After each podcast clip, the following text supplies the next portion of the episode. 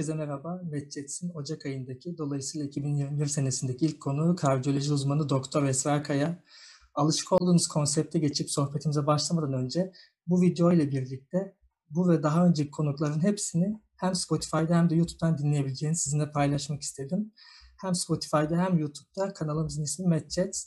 Dilerseniz koşarken veya yolculuk yaparken Spotify'dan dinleyebilirsiniz bu konuşanlar neye benziyor, yüzleri nasıl, mimikleri nasıl merak edersiniz de YouTube'a geçebilirsiniz. Ee, önceki videolardan konuğumuz olan Berkay Fakülteden arkadaşım çok güzel bir podcast serisine başlamış. Spotify'da Çay Tadında Sohbetler diye bu seviyede de göz atabilirsiniz. Yeniden hoş geldiniz. Teşekkür ederim katıldığınız için. Hoş bulduk Ahmet. Yani çoğu kişinin sizi zaten tanıdığını ve takip ettiğini düşünüyorum. Yine de kendinizden bahseder misiniz? Kimsiniz, nerede eğitim aldınız ve şu an neredesiniz? Ee, şu an nerede olduğumla başlayayım. Şu an Oslo'dayım. Yani Oslo yakınlarındayım en azından. Karantina otelindeyim. Norveç'e geldim. Ee, ismim Esra Kaya. Ee, Gazi Üniversitesi Fakültesi mezunuyum. Kardiyoloji uzmanıyım. Ee, Gazi Tıp'tan sonra uzmanlığımı Ege Üniversitesi Kardiyoloji Anabilim dalında aldım. Ee, sonrasında mecburi hizmetimi yaptım. Ee, sonrasında da iki seneyle Japonya'ya gittim. Oradayken doktora programıma başladım.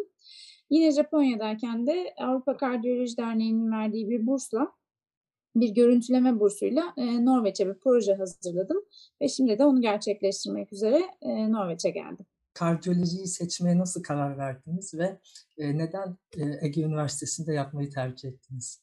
Bugün yine bir tweet gördüm. Kardiyologların EKG okuması ile ilgili ve bunun ne kadar karizmatik olduğu ile ilgili. Bilmiyorum siz öyle mi düşünüyorsunuz ama e, beni kardiyolojiye ba- bağlayan sahnelerden bir tanesi oydu asistan abilerimizin, ablalarımızın o EKG'yi o kadar rahatlıkla okuyabilmesi.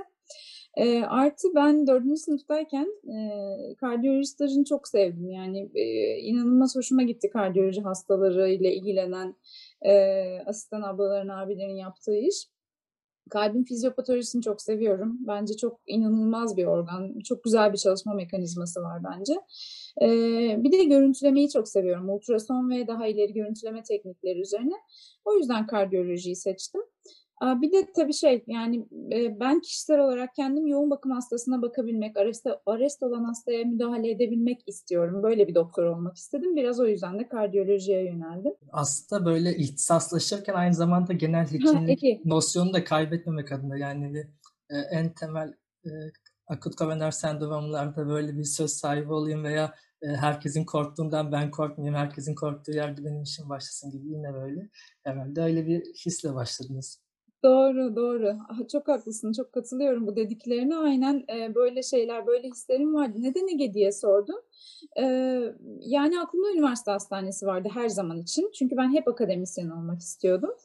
Ee, Ankara'dan da sıkılmıştım bir anlamda. Hani Gazi, tıp, Gazi tıplı olmaktan çok büyük gurur duyuyorum. Çok büyük bir nosyon vermiş bize ama Ankara sıkmıştı şehir olarak ve denizli bir yere gitmek istiyordum. Ve ailem İzmir'deydi. O yüzden İzmir tercih ettim.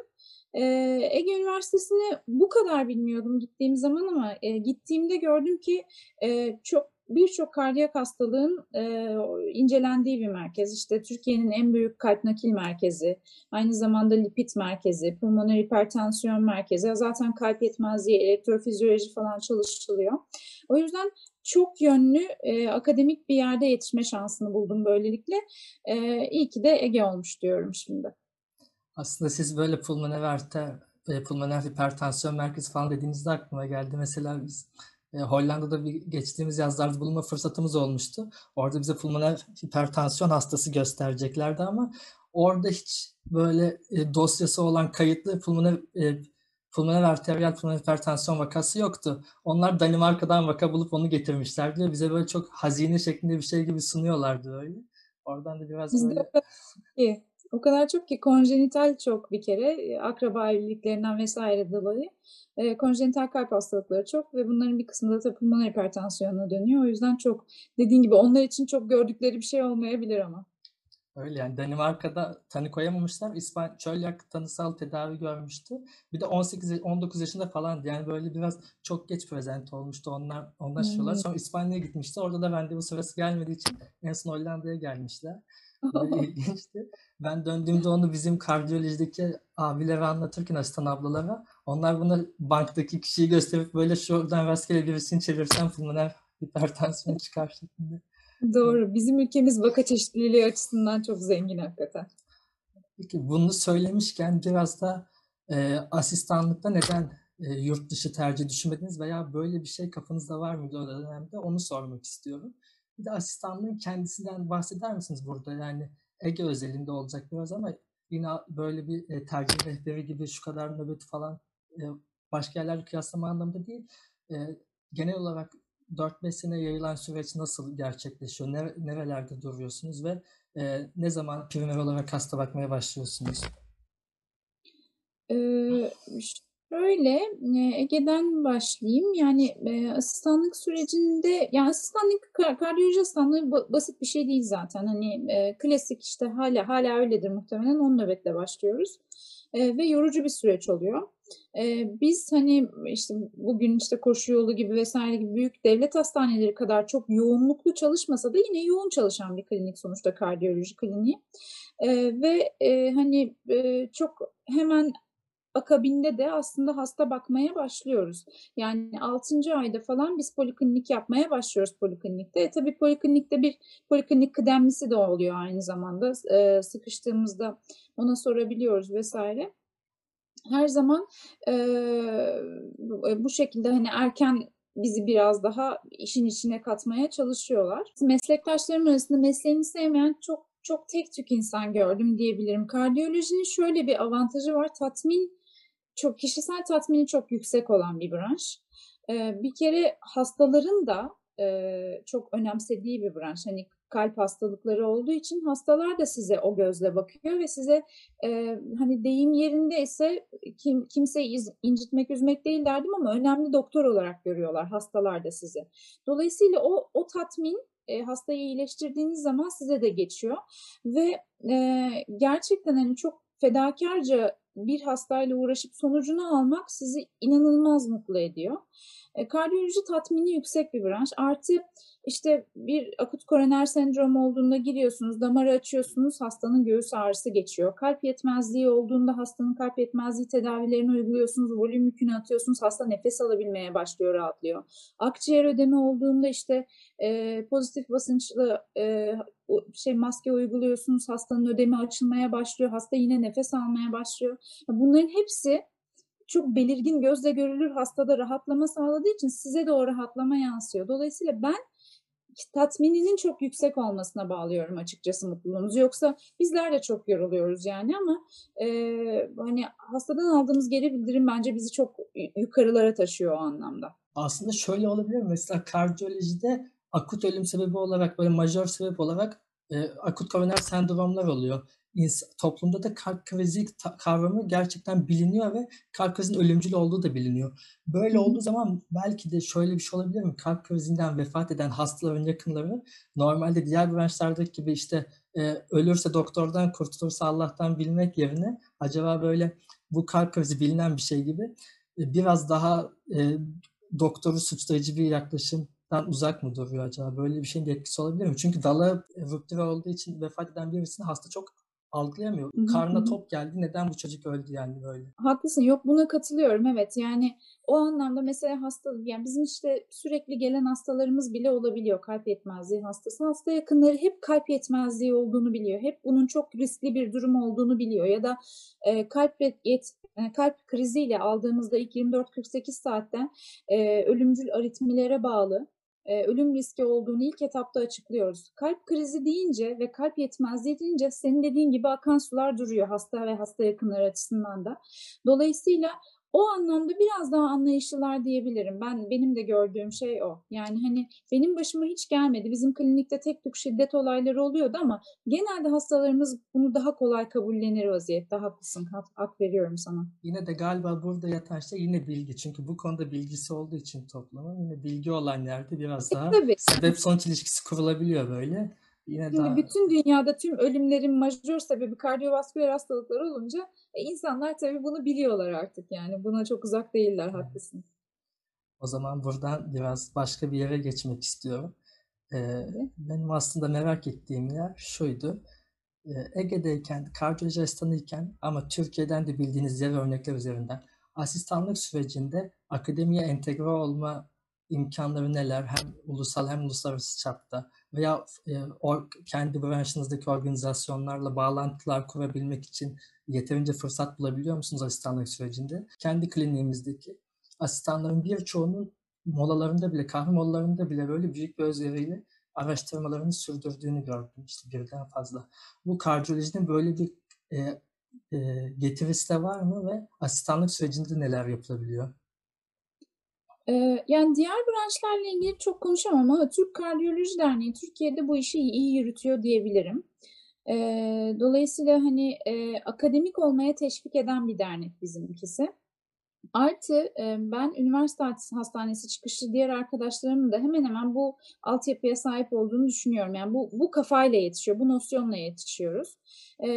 Devlet hastaneleri için aynı şeyi söyleyemem. Onların bakış açısı biraz daha farklı oluyor. Biraz daha hastayı hızlı bakıp hızlı taburcu etme temelli haliyle hasta yoğunluklarının ötürü bir bakış açıları oluyor. Dolayısıyla akademiye bizim kadar önem verebiliyorlar mı bilmiyorum.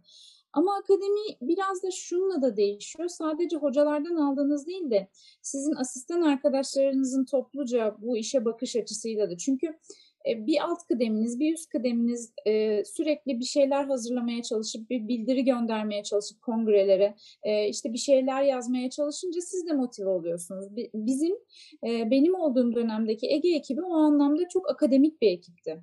Yani bizim bütün kongrelerde en az 3-5 kişinin bir posteri olur, bir bildirisi olur vesaire. Ee, sadece hocaların motivasyonu yetmiyor bu anlamda dediğim gibi. Hocalar tabii üniversite hastanesinde olduğu için seni belli bir yere kadar motive ediyorlar ama böyle arkadaşlarınla, o asistan arkadaşlarınla kopup gidiyorsun açıkçası. Benim dönemim şanslıydı o açıdan. Bizim sürekli bir sunumumuz, bir şeyimiz olurdu yani kongrede. Biz Türk Kardiyoloji Derneği'nde aktif yer alan bir topluluktuk o dönem. E, o biraz e, dönemsel de bir şans. Artı tabii kişisel de bir şey. Senin de meraklı olman gerekiyor yani buna. Siz öğrenciyken peki bu anlamda kliniklere gidip geliyor muydunuz stajyerken veya internken veya herhangi bir akademik araştırmaya dahil olmak için gidiyor muydunuz yoksa asistanlar girdikten sonra mı daha çok başladı bunlar?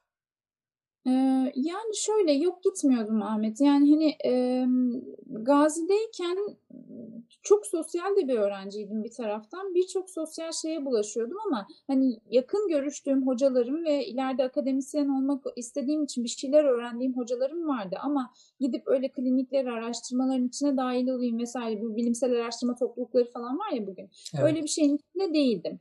Ee, benim yani hep akademisyen olmak istiyordum ama öğrencilikte bunun için çok bir şey yaptığımı söyleyemem. Sadece İngilizcemi geliştirip hani nasıl akademisyen olurumu düşünüyordum daha çok.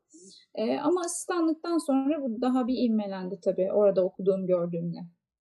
Peki bu e, sizi ben tabii dış görü olarak böyle bir şey biraz sosyal medyadan tanıdığım için sadece European Society of Cardiology gibi e, komünitelerde aktif olduğunuzu görüyorum ve e, e, farklı araştırma burslarıyla, farklı imkanlarla ve farklı organizasyonlar altında başka ülkelere gittiğinizi görüyorum. Buna geçişte aslında bu çok fazla bireysel emek ve çaba mı gerektirdi yoksa siz e, asistanlar girdiğinizde siz yönlendirildiniz mi bu konuda? Yani bu işlere nasıl bulaştınız veya şöyle diyeyim bulaştınız derken kötü bir şey gibi değil tabii ama genel olarak yani herkes mi bunu yapıyor? Bu kadar aktif olabiliyor bunlarda yoksa bu bir tercih mi? İnsanlar seçmediği için mi bu yola giremiyor? Yoksa tercih değil yapmaya çalışıyorlar ama yapamıyorlar mı? Onu ben çok merak ediyorum. Eee, şöyle, ben hep öğrenci arkadaşlara şöyle söylüyorum. Bu iş bu iş inat edenin yapacağı bir iş açıkçası. Şimdi kimse sizin elinize, önünüze altın tabakta bir şeyler sunmuyor maalesef. Yani bu dünyanın hiçbir yerinde böyle değil. Türkiye'de daha da zor bu tip şeyler, bilimsel şeyler. Asistanlıkta yurt dışı ile ilgili hep aklımdaydı ama hiçbir şey yapamadım. Yani bizim yani bizim klinikte de böyle bir şey yoktu. Yani giden yoktu doğru düzgün. Yani kısa süreli kurslar vesaire sonradan sonradan ben orayı bitirdikten sonra yeni gelen uzmanlarla kliniğe yavaş yavaş gelmeye başladı. Dolayısıyla asistanlıkta kimse size bir şey sunmuyor. O Evet. anlamda. Çünkü hocalar bir bağlantıları olunca kendilerine kullanmak istiyorlar. Ee, bu arada sen söyleyeceğini söyleyebilirsin istersen. Ben Bir de buna şey fakültede de acaba yurt dışı deneyiminiz olmuş muydu onu da sormak istedim. Şeyde öğrenci değişimlerine gittim sadece e, fakültedeyken. Birkaç yere öğrenci değişimlerine gittim ve öğrenci değişim e, programı yapan kuruluşun da işte e, üyelerinden biriydim. O yüzden birkaç kere de böyle uluslararası toplantılara falan gitmiştim. O da tabii bir şey e, İngilizce konuşma tecrübesi, yurt dışında işte hayatta kalma tecrübesi açısından bir takım fa- şeyleri faydaları oluyor. Ama çok Ee, akademik anlamda bir şey değil aslında benim. Yok, Asıl evet, merak ettiğim aynen. onlar o şekilde. hani biraz daha cesaret veriyor o.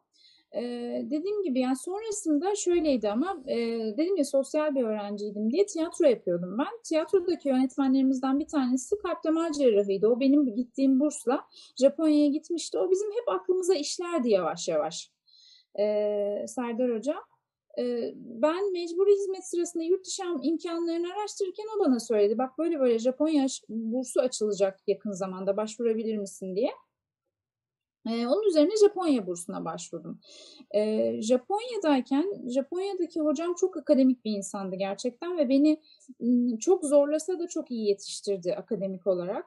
Yani hani böyle deyim yerindeyse komando gibi yetiştirdi beni. Ve oradayken gerçekten aslında bilimsel çalışma yapmayı, işte istatistiği, bir proje nasıl hazırlanır, yeni bir çalışma nasıl dizayn edilir onları öğrendim.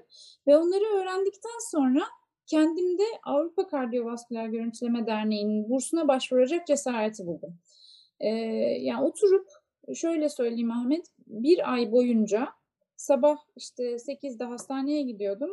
3 gibi hastanede kendi laboratuvarımızda işim bitince hemen çalışma odamıza geçiyordum.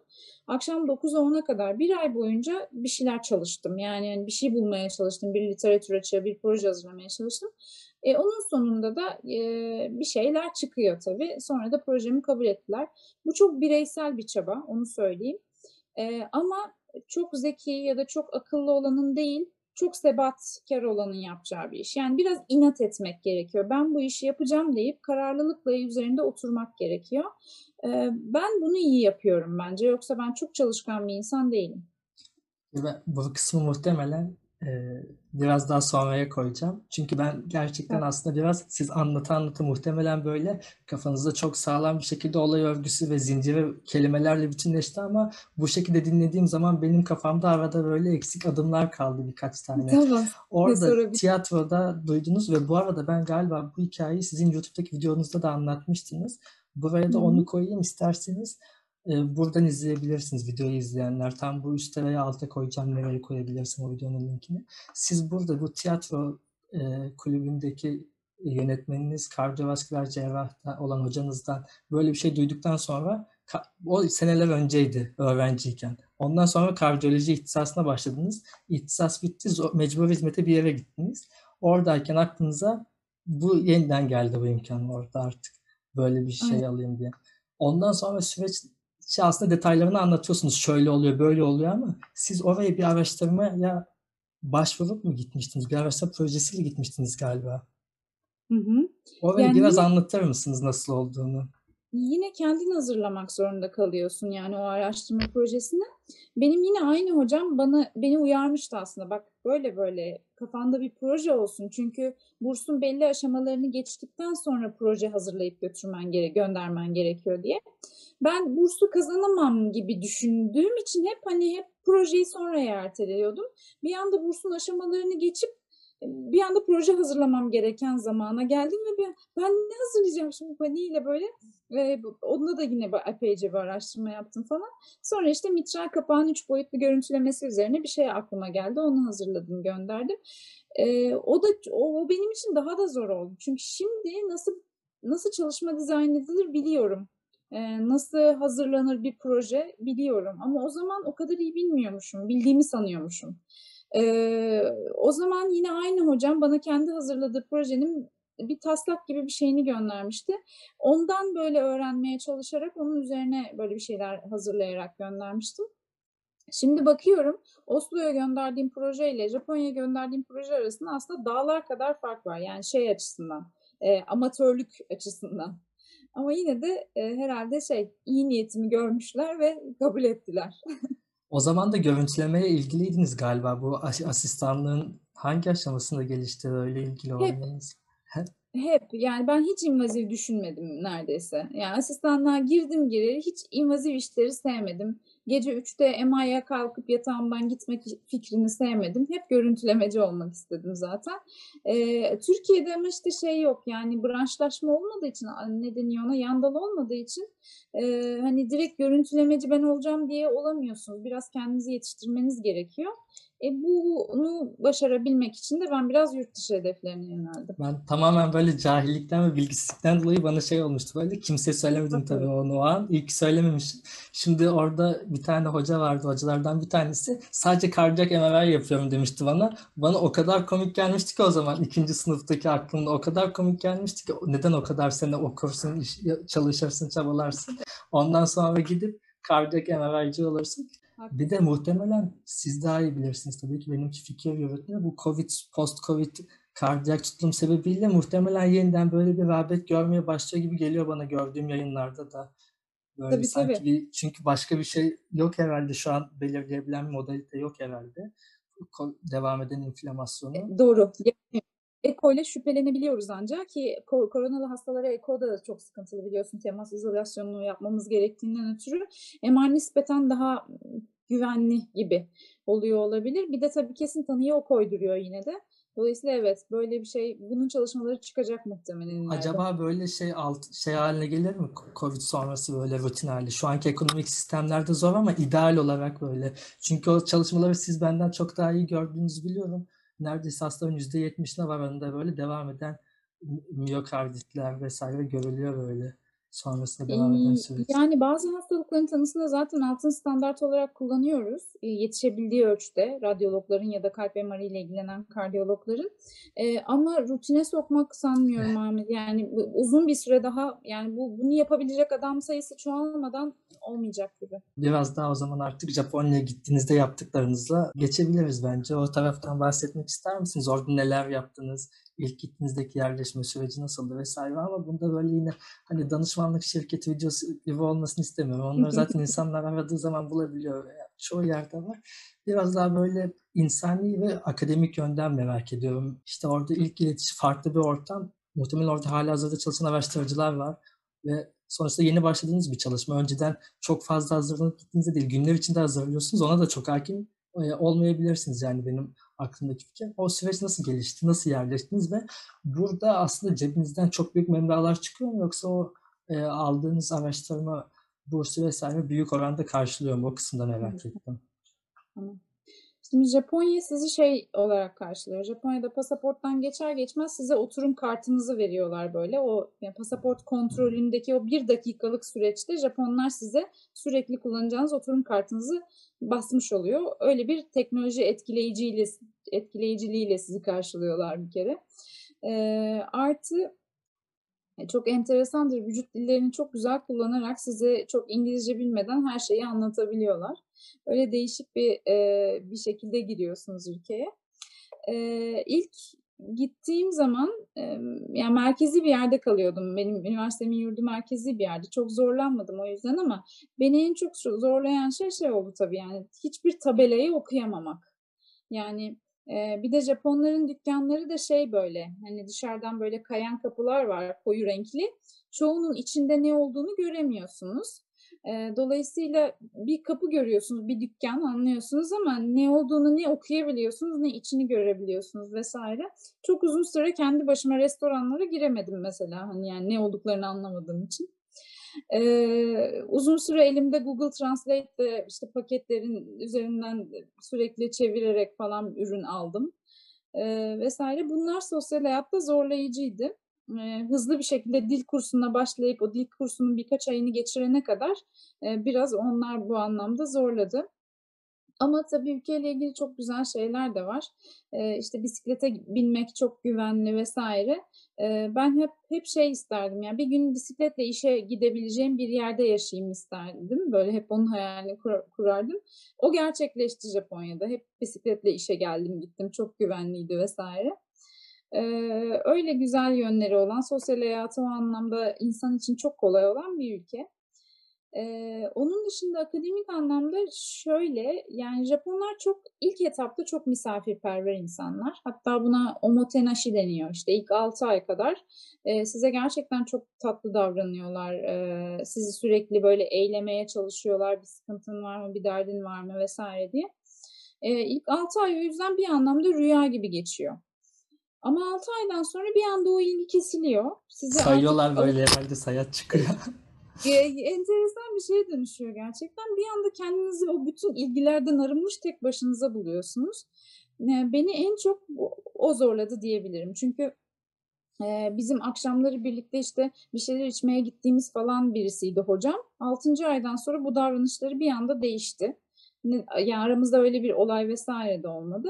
Eee, o Japon davranış değişiklikleri beni çok zorladı ve, eee, ilk 6 ayda her ne kadar, işte, biraz biraz o çalışmayla ilgili şeylere alışmış olsam da o ilgi çekilince ve o, hoş bulunma durumu çekilince, böyle, kendini daha böyle bir misafir gibi hissetmeye falan başlıyorsun. Onlar biraz zorladı açıkçası. Artı, eee, yani çok tatlı insanlarla tanıştım, çok güzel dostluklarım oldu vs. ama, eee, gerçekten bizden farklı bir ırk, farklı bir millet.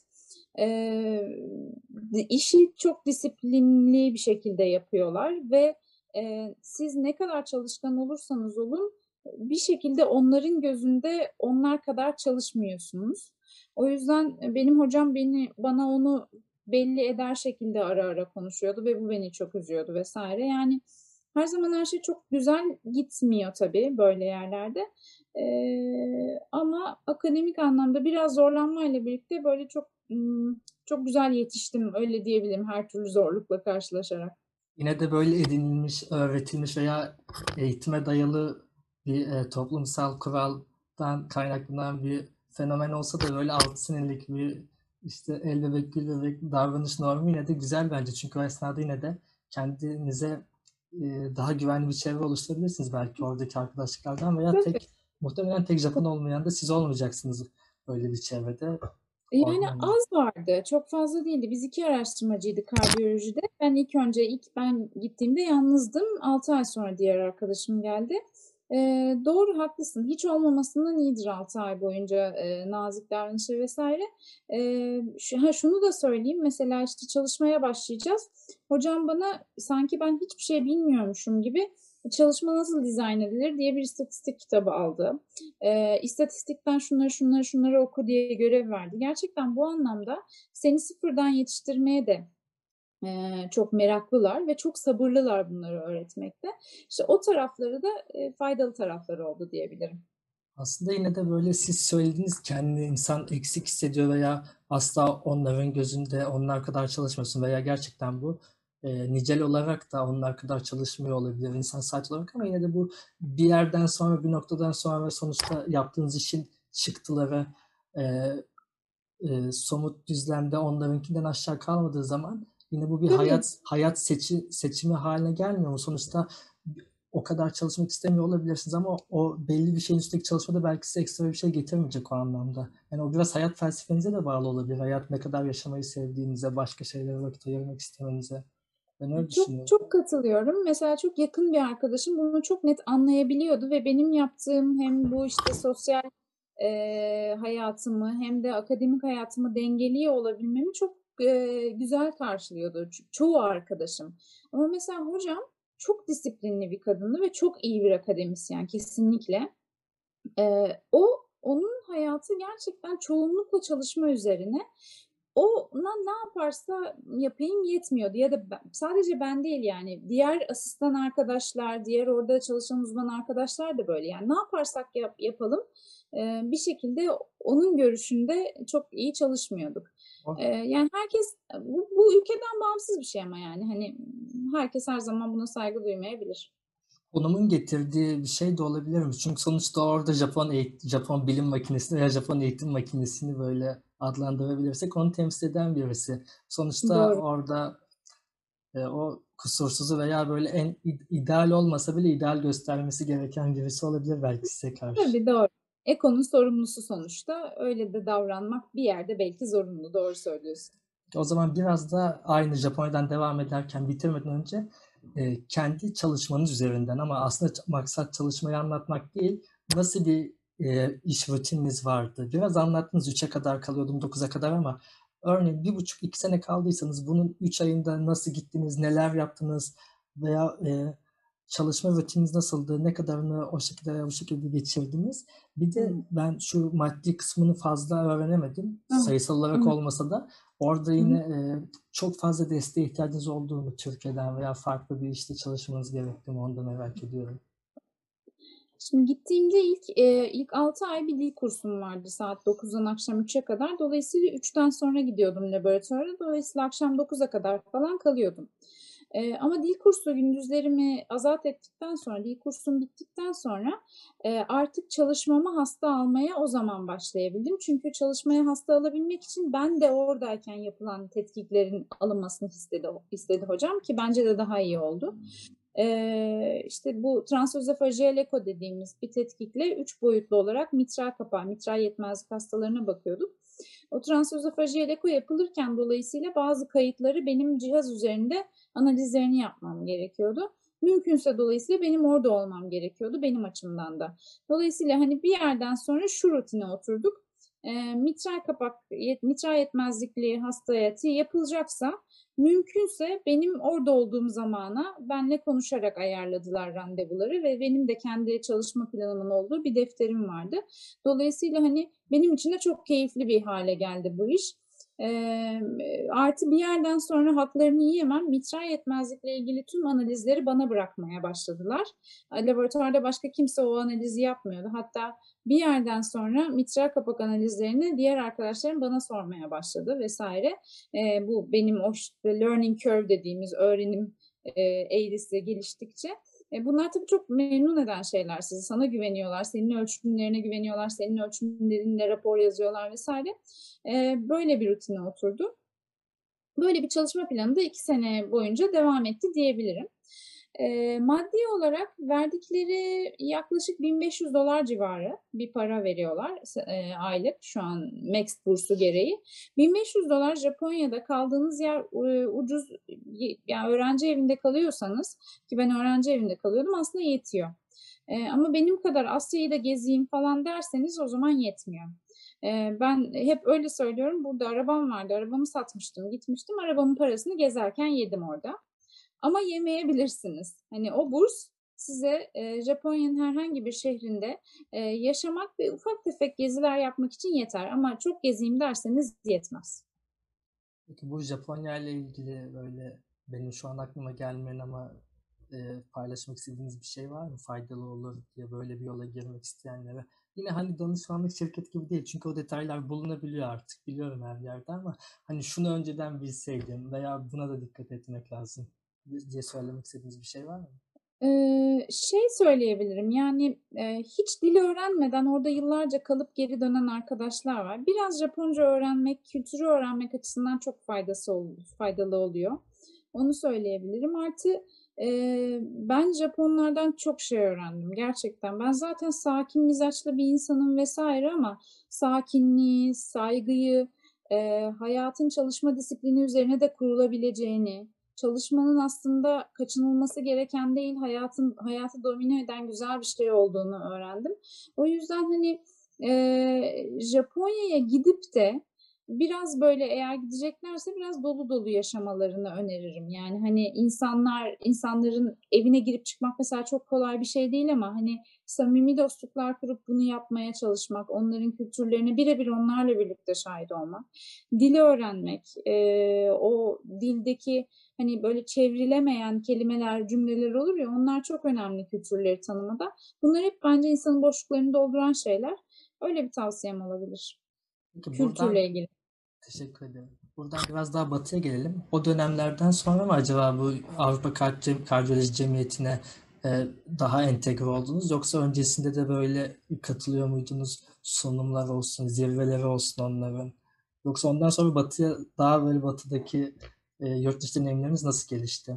Bir de başka Ee, ülkeler de gördüm arada o size attığım yazıda bahsetmedim. Onlar daha öncesinde mi gelişti, daha sonrasında mı gelişti? Yine böyle e, belli sürelerde bulunduğunuzu gördüm. Hı hı. Eee, şöyle, yani Avrupa Kardiyoloji Derneği, Türk Kardiyoloji Derneği, Avrupa Kardiyoloji Derneği'nin bir alt derneği olduğu için eee, Avrupa Kardiyoloji Derneği ile TKD arasında belirgin bir şey, iletişim her zaman var. Dolayısıyla Türkiye'deyken aslında daha yakındım ilişki anlamında ama kendimi hiç e, Avrupa'da bir şeyler yapmak için yeterli görmedim ben asistanlıkta. Yani bir iki bildirimiz kabul oldu vesaire, bir iki yurt dışına gittik vesaire ama onlar çok büyük şeyler değildi bence. Ee, yavaş yavaş hocalarımın sayesinde işte bir Barcelona'ya bir bildiri kabul ettirdik. Ben iki tane Avrupa Ateroskleroz Derneği'ne bir bildiri kabul ettirdim. Bunlara yavaş yavaş başlamıştım zaten.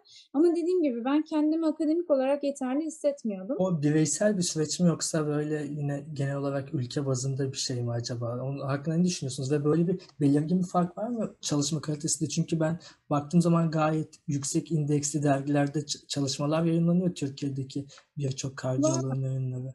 Ee, bir, bireysel bir şey olduğunu düşünüyorum. Ama dediğim gibi hani Türk Kardiyoloji Derneği başta söylediğim şeye göre Türk Kardiyoloji Derneği bunu gerçekten güzel yapıyor ve Avrupa Kardiyoloji Dernekleri Derneği ile de ilişkileri iyi TKD'nin yönetim kurulunu düşünürsek. Ee, akademik çok güzel işler yapan insanlarla dolu TKD. Dolayısıyla hani e, bireysel sizin çabanız gerekiyor ama TKD de buna güzel bir temel oluşturuyor öyle söyleyebilirim. Ben bireysel olarak kendimi yeterli hissetmediğim için önce bir yerlerde bir, şeyler görüntüleme adına ismimi duyurabilecek bir şeyler yapmak istedim. Japonya o yüzden bana o anlamda bir basamak oldu. Japonya'dan sonra dediğim gibi az önce hani nasıl bilimsel çalışma dizayn edilir çok daha iyi öğrendiğim için Japonya'dan sonra artık evet ben bunu başarırım diyordum ve o şeyde de tekrar Avrupa'ya döndüm yüzüm o anlamda. O geçişi biraz daha somutlaştırarak anlatabilir misiniz? Ondan sonra bu deneyiminizle yine de kendinize bir merkez bulmanız gerekiyordu diye tahmin ediyorum sonraki araştırmalarınız için. Tabii tabii. Ve bir çevre bulmanız gerekiyordu. O geçişte biraz anlatır mısınız? Çünkü siz onu kat etmişsiniz ama şu an ben kendimi tam o noktada hayal ettikten sonra Japonya'dan dönüş tek yön biletiyle sonuçta önümde yine aslında çok fazla bir sunacak bir şey yok gibi geliyor buradan baktığım zaman. Elimdeki bilgiyle çok valizimi nereye atabilirim diye düşünüyorum. Çok haklısın. Ben de aynen senin gibi düşünüyordum. Ee, işte ne zamandı? 1 Nisan 2020'de sürecim bitecekti. Bir önceki senenin Haziran'ında artık panik olmaya başladım. Bir dakika ben galiba Türkiye'ye döneceğim. Nerede çalışacağım? Ne yapacağım? Kendimi kimlere kabul ettireceğim vesaire diye. Ee, o sırada e, bir şeyler yapmam gerektiğini düşündüm ve o sırada tekrar bu sefer Avrupa Kardiyoloji Derneği'nin burslarına bakmaya başladım. E, ve o süreçte e, literatür açığı arıyorsunuz. Yani literatürde ne açık var? Ben neyle ilgili çalışmak istiyorum? E, ben nasıl bir şey bulabilirim? İşte o süreç biraz sancılı oluyor. Literatür açığı bulup kafanızda bir proje şekillendikten sonra e, artık o projeyi yapabileceğiniz merkezleri aramaya başlıyorsunuz. Zaten hani e, bir burslarına başvurabileceğiniz merkezler listelenmiş oluyor. O merkezler içerisinden işte benim yapacağım projeye Oslo uygundu. Oslo'ya gönderdim hocama. Hocam da beni hiç bekletmeden kabul etti. Çok ilginç bulduk projeni dedi. E, ama mesela aynı bursa benden birkaç yıl önce başvuran e, Gazi'den mezun bir arkadaşım ben çok fazla mail atmak zorunda kaldım bir sürü hocaya demişti. Hani benim belki o süreç biraz şanslı. Yine o aslında şans şansla mı vermek istiyorsunuz onu yoksa yine sonuçta sizin gönderdiğiniz şey bir çalışma taslağı değil mi? Eee, yani Hani arkadaşımın projesinin de çok iyi olduğunu bildiğim için bence şans biraz. Yani hani emm, hani benim projem hatta bence ben benimkinden o zamanın şartlarında daha iyi bir projeymiş ama eee, o biraz bilmiyorum artık onun şansı mı öyle oldu. Onun çok fazla kişiyle irtibata geçmesi gerekmiş. Ben sadece bir kişi yaptım ve hemen kabul oldu eee, projem. Bu biraz eee, şans da aynı zamanda. Evet, yine Ama kovalamak lazım yani aslında böyle ilkokulda, anaokulunda vesaire liseye kadar hep böyle insan klasik bir öğretiyle büyüyor bence. bu var olan sistemin ve çok milyarlarca insan yaşadığı dünyanın devamı için e, doğru adımları atarsan, doğru işleri yaparsan hep iyi yere gelirsin gibi bir öğretiyle. Aslında bu insan için yıpratıcı olabiliyor olumluya motive etse Çünkü öyle olmadığını görüyorsun. Sizin de dediğiniz, verdiğiniz örnek gibi şans faktörü de işin içine giriyor. Ondan sonra yine galiba yıpranmamak, devam etmek gerekiyor. Ya şu, şunu söylüyorum ama mesela hani e, bu, bu bahsettiğim arkadaşım ben de bu konuda inat ettik yani hani ben o projeyi yazmak için inat ettim. O o projeyi kabul ettirmek için inat etti. Sonuçta ikimiz de bu projeyi kazandık. Yani bir yerde aslında kararlı olup bu süreci şey yapmak gerekiyor, yönetmek gerekiyor. Yani yine aslında doğru adımlar atıp kararlılıkla ilerlersen yine elde ediyorsun istediğini bence. Sizin Norveç'te de bir iş buldum dediniz. O nasıl gerçekleşiyor aslında? E, tamam yine bir araştırma yapacaksınız ve bunun için yine bir burs aldığınızı düşünüyorum. Bu da yine sizin oradaki geçiminizi sağlayabilmeye yakın bir düzeyde mi? Çok fazla kendi birikiminizi kullanmanız gerekiyor ama bir de bulunduğunuz iş nasıl bir iş? Orada e, çalışacağınız merkezin size bir destek olma adına mı bulduğu bir şey?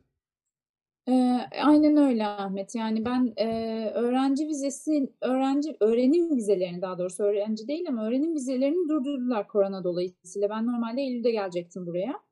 Eee, öğrenim vizeleri durup çalışma vizeleri devam edince, eee, hocam ve bölüm başkanı, eee, aynı zamanda, işte, Oslo'daki bölüm başkanı bu Avrupa Kardiyovasküler Görüntüleme Derneği'nin de geçen seneki başkanıydı. Eee, geçen sene toplantıda kişisel olarak da tanışmıştık. Ee, onlar böyle bir çözüm buldular. Biz o zaman sana iş teklif edelim. Sen daha erken gelebil diye. Ee, bana böyle bir iş teklifinde bulundular. Yani orada yine research fellow olarak yani hani research fellow olarak da bir iş teklif edebiliyorlar. Böyle bir iş teklifinde bulundular ve bir süreliğine ben maaşlı çalışan olarak çalışacağım orada. Ama aynı zamanda araştırmama da başlayacağım. Bu benim için daha güzel bir süreç oldu. Araştırmamın yapabilme sürem uzamış oldu. E, maaş da bir haliyle verilen burstan daha yüksek. Eee, ilk birkaç ay biraz daha rahat olacağım o anlamda. Sonrasında, işte, Avrupa Kardiyovasküler Görüntüleme Derneği'nin verdiği bursa bakacağım. Çok fazla bir birikimle gelmedim. Hani, açıkçası biraz devlet hastanesinde çalıştım Japonya sonrası. Orada biriktirebildiğim kadarıyla geldim ama Norveç aşırı pahalı olduğu için zaten, hani, o biriktirdiğimin üçte birini şu an vereceğim bir aylık ev kirasıyla harcamış olacağım yani. Şimdi bu sor, bu konunun bu kısmı şununla ilgili değil yani e, kendinin hali hazırda iyi bir birikimi olan insanlar veya ailesinden iyi bir destek alabilen insanlar aslında daha az başarı sergilemiş olmuyor ama e, genel kitle de böyle bir merak oluşuyor tabii ki. Çünkü genel kitle genel olarak yani bir kısmı insanların en azından önemli bir kısmı kendi birikimiyle karşılayamayacağını hesapladığı için bunları merak ediyor. O, o anlamda soruyorum bunları. Yani herhangi kendi birikimi olmadan bu bursları yok, veya tabii ki yok. Yani bu bursların amacı o zaten hani kendi birikimim benim de çok fazla yok. Yani bu birikim beni ancak burada 2-3 ay yaşatır. Hani sadece onunla gelseydim uzun dönemli bir şey ben de yapamazdım zaten. Ee, bu bursların amacı o. Benim bursa başvurmamın amacı o en azından. Ben de yani uzun süreli karşılayamam kendi masrafımı. Burslar yaşatır yani burada e, rahat rahat. Şimdi biraz aslında bu Yine böyle e, maceralı bir süreç olacak. Yaklaşık orada da bir buçuk sene mi, iki sene mi söyleyeyim, telaffuz etmiştiniz. Şimdi bunlar gerçekten güzel süreler ve güzel yerlerde çalışılıyor. Peki bundan sonra sizin kafanızdaki plan ne? Yani böyle biraz e, akademik göçebe şeklinde bir hayat ne kadar sürdürmek mümkün? Bir yerde böyle yerleşmek mi gerekiyor? Yoksa e, aslında buradan baktığım zaman yine bilmeden tabii ki böyle dışarıdan baktığım zaman bu adımları attıktan sonra herhangi bir yerde yine çalışma izni, kalıcı oturum izni alıp yine böyle bir merkeze yerleşmek de çok zor gözükmüyor böyle baktığım zaman ama siz o arada bir de Türkiye'de çalıştınız uzman olarak mecburiden sonra ilk defa ama çok güzel bir yerde çalıştınız. O nasıl oldu bilmiyorum ama bundan sonraki planınız ne ve o aradaki o tatil gibi oldu galiba. Ben öyle görüyordum. Nerede? Muğla'da mıydı acaba? Tam hatırlamıyorum. Evet. Didim'deydi. Şöyle gitmeden önce zaten hani tayin başvurusunda başvur bulunmuştum. Hak, hak etmiştim onu iki yılım dolduğu için. E, tayinim Didim Devlet Hastanesi'ne çıkmıştı zaten gitmeden önce. Kadromu orada bırakıp gittim yani ben Japonya'ya. Akademik izin aldım iki senelik ücretsiz izin. Evet. Öyle gitmiştim Japonya'ya. Dolayısıyla geldiğimde öyle bir yerim hazırdı. Ee, dediğim gibi ailemin yanındaydım. Tatil gibi oldu biraz o anlamda. Şanslıydım. Siz şey yazmıştınız. Ee, ne yazmıştınız acaba? 60 yaşında yaşamak istediğim hayatı yaşama fırsatım Evet, doğdu. Doğru. 60 yaşında sakin bir Ege sahil kasabasında yaşama hayalimi 30'larda gerçekleştirdim diye. Hakikaten öyle. Yani o, o hayalim kalmadı artık diyebilirim. Bundan sonrası için benim için iki seçenek var Ahmet. Akademik göçebe lafını çok sevdim. Çok da beğendim gerçekten. Çok doğru bir ta- tanım bence benim için. Ee, artık hani Norveç'ten sonra artık göç yok. Ee, iki seçenek var. Ya Norveç'te kalacağım. Ee, buradan böyle güzel bir teklif olur. Ben Norveççeyi iyi sökebilirsem vesaire. Ya da İstanbul'a döneceğim. İstanbul'da artık bir üniversite hastanesi. Ee, o zaman ne görüşürüm, ne yaparım bilmiyorum. Ama ya İstanbul'da bir üniversite hastanesi ya Norveç olarak e, sonlandıracağım yani bu yolculuğu. Artık yoruldum ben de çünkü. Orada şey- bu şeyler nasıl oluyor kardiyolojide mesela herhangi bir yerde? Biraz e, Kuzey Avrupa ülkelerinde dili öğrendikten sonra biraz daha kolay, görece biraz daha kolay olarak denklik alınabildiği ile ilgili zaten çok giden insan yok. Giden de az olduğu için onlar da yapılıyor gibi lanse ediyor ama şu anda mesela siz orada tabii ki bir e, klinik, klinik araştırmacı olarak çalışabiliyorsunuz ama orada yine siz hasta görüyorsunuz. O aradaki çizgi nasıl belirleniyor mesela? Sadece Yani yine has sadece Hı. bu şey çalışmanızda e, e, verisi kullanılmak üzere yine sadece te, Hı teşhise hı. yönelik işlemler yapabiliyorsunuz değil Hı mi? hı hı. Hastaya bire, birebir dokunabileceğin herhangi bir işlemi yapamıyorsun yine. Ee, ama benim işte benim çalışma alanımda öyle bir şey gerekmiyor zaten. Hani biz zaten görüntüyü alıp alıp post processing olarak başka bilgisayarlarda işleyerek yapıyoruz. Dolayısıyla benim hiç hastaya dokunmam zaten gerekmiyor. Benim için bir e, ultrason teknisyeninin ya da bir kardiyoloji doktorunun o görüntüyü daha önceden depolamış olması yetiyor. Ee, şu an araştırmacı olarak bunu yapsam yeter ama doktor olmak dersen evet dili öğreneceksin sonra da lisans sınavına gireceksin. Onu e, onu alman gerekiyor. Şöyle e, ben Norveççeyi çok zor bulmadım açıkçası. E, özellikle İngilizceyi iyi bilen insan için Norveççe kolay öğrenilebilir bir dil gibi geldi. Dolayısıyla Norveççeyi bitirip sonra da lisans sınavına girebilirim gibi düşünüyorum şu an. Japonca böyle değildi mesela o çok zordu. O, o zaman siz de yine bu şeyi de tam almak istiyorsunuz. Yani tıbbi pratik lisansını almadan orada kalmayı düşünüyor musunuz? Yoksa kalırsam onu da alırım diyorsunuz. E, Kalırsam onu da alırım tabii. Yani Ben o, hani kalmadan sürekli araştırmacı olarak ya kalmak istemem herhalde. O sizde kardiyak MRI çalışıyorum sadece deyip ikinci sınıf öğrencilerinin bilgisizliklerinden komik bir durum. Çok normal böyle düşünmem bence. Siz şu anda şöyle düşünüyorsunuz. İstanbul'da bir üniversite hastanesinde de çalışabilirim veya Norveç'te de kalabilirim. İstanbul'da bir üniversite hastanesinde e, bu si- çalışmak için bulacağınız yerin şu anki sistemde bu CV'nizin, yayınladığınız yazıların, bulunduğunuz kliniklerin, yaptığınız araştırmaların çok bir katkısı olacak mı? Tek başına yetecek mi? Avrupa'daki bir merkez gibi hiçbir yer tek başına yetmiyor ama o kadar kolay mı? Bir de buradaki çalışma koşulları ve e, ortam sizi tatmin edecek mi acaba? O konuda bir öngörünüz var mı? Çalışmadan tabii ki ediyor etmiyor denmez ama yine Türkiye'de Ee, çalıştınız. Artık artık yeter. Yani Nor Norveç, Japonya'dan sonra bile teklif geldi birkaç yerden. Ee, hele ki Norveç'te çalıştıktan, hele ki o ekipte çalıştıktan sonra şu hali hali yeter. Onunla ilgili bir sıkıntım yok. Ee, ama ikinci soruna gelirsek zaten çalışmak istediğim tek tük birkaç tane yer var. Ee, ben artık hani e, kötü teknik imkanları olan bir yerde çalışmak istemiyorum. Ee, bu kadar sıkıntısını çektim bunun oradan oraya göç, oradan oraya sürekli burslu yaşa vesaire. Artık hani e, kendi istediğim bilimsel çalışmayı rahatça yapabileceğim teknolojik donanıma sahip bir yerde çalışmak istiyorum. Yine bu özel Dolayısıyla üniversiteler mi oluyor acaba? Muhtemelen evet, öyle evet. Yani özel üniversiteler o anlamda daha e, sana geniş bir yelpaze Evet. sunabiliyor. E, teknolojik imkan açısından öyle bir yerde çalışmak istiyorum açıkçası. E, ama hani Norveç'te kalırsam da zaten hani e, buraların imkanları Türkiye'nin birçok yerinden daha iyi olduğu için herhalde çok sıkıntı çekmem diye düşünüyorum. Peki bu tıp dışı kısımla ilgili yani tabii ki bunu politik veya siyasi bir şey olarak sormuyorum. Hekim hasta ilişkisi vesaire olarak soruyorum. Sizinkisi biraz daha teşhis yönünde çalışmak istiyorsunuz işine ama yani uzmanlaşmak istiyorsunuz ama uzmanlaşıyorsunuz daha doğrusu halihazırda.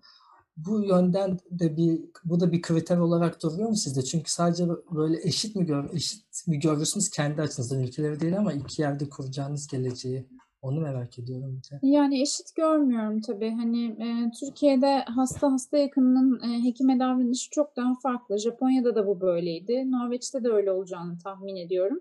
Dolayısıyla e, eşit görmüyorum. Ya ben kişisel anlamda hiçbir olay yaşamadım bugüne kadar. Yani çok hani ufak tefek şeyler tabii ki oldu. Bir iki beyaz kod verdiğim vesaire oldu ama e, hani çok büyük olaylar yaşamadım ama bunlar caydırıcı sebepler tabii. E, insanların daha sakin olduğu bir yerde yaşamak istiyorum. Yani teşhis konusunda da olsa, hiç hastayla muhatap olmayacak da olsam, meslektaşlarımın da tehdit edilmediği, meslektaşlarımın sıkıntı yaşamadığı bir yerde de yaşamak istiyorum. Bunları hak ettiğimizi düşünüyorum çok çalışan doktorlar olarak. O yüzden hani tabii ki bunlar şey, e, o anlamda bağlayıcı sebepler. Yani akademisyen olmak istiyorsanız, e, akademisyenlikte mutlaka bir yurt dışı tecrübesinin olması gerektiğini düşünüyorum ben. E, ama hani bana sorulan sorulara hep aynı şekilde cevap veriyorum. Yurt dışında yaşayıp isteyip istem yaşamayı isteyip istemediğine bağlı. Eğer ben yurt dışında yaşamak istiyorum diyorsan bence hiç vakit kaybetmeden hemen tıp fakültesini bitirdikten sonra bu işle eğilmekte fayda var. Çünkü ağaç yaşken eğiliyor. Dili daha kolay öğreniyorsunuz, daha kolay adapte oluyorsunuz vesaire. Hayatınızı orada kurmak istiyorsunuz vesaire. E, dolayısıyla hani öyle bir isteğin varsa bence hemen. E, artı bir de şöyle bir dezavantaj oluyor ilerle kardiyoloji için çoğu Avrupa ülkesi bizim kardiyoloji ihtisasımızı tek başına saymıyor. Çünkü birçoğu dahiliyenin üzerine yaptığı için oraya gidip bir de dahiliye ile tamamlaman gerekiyor.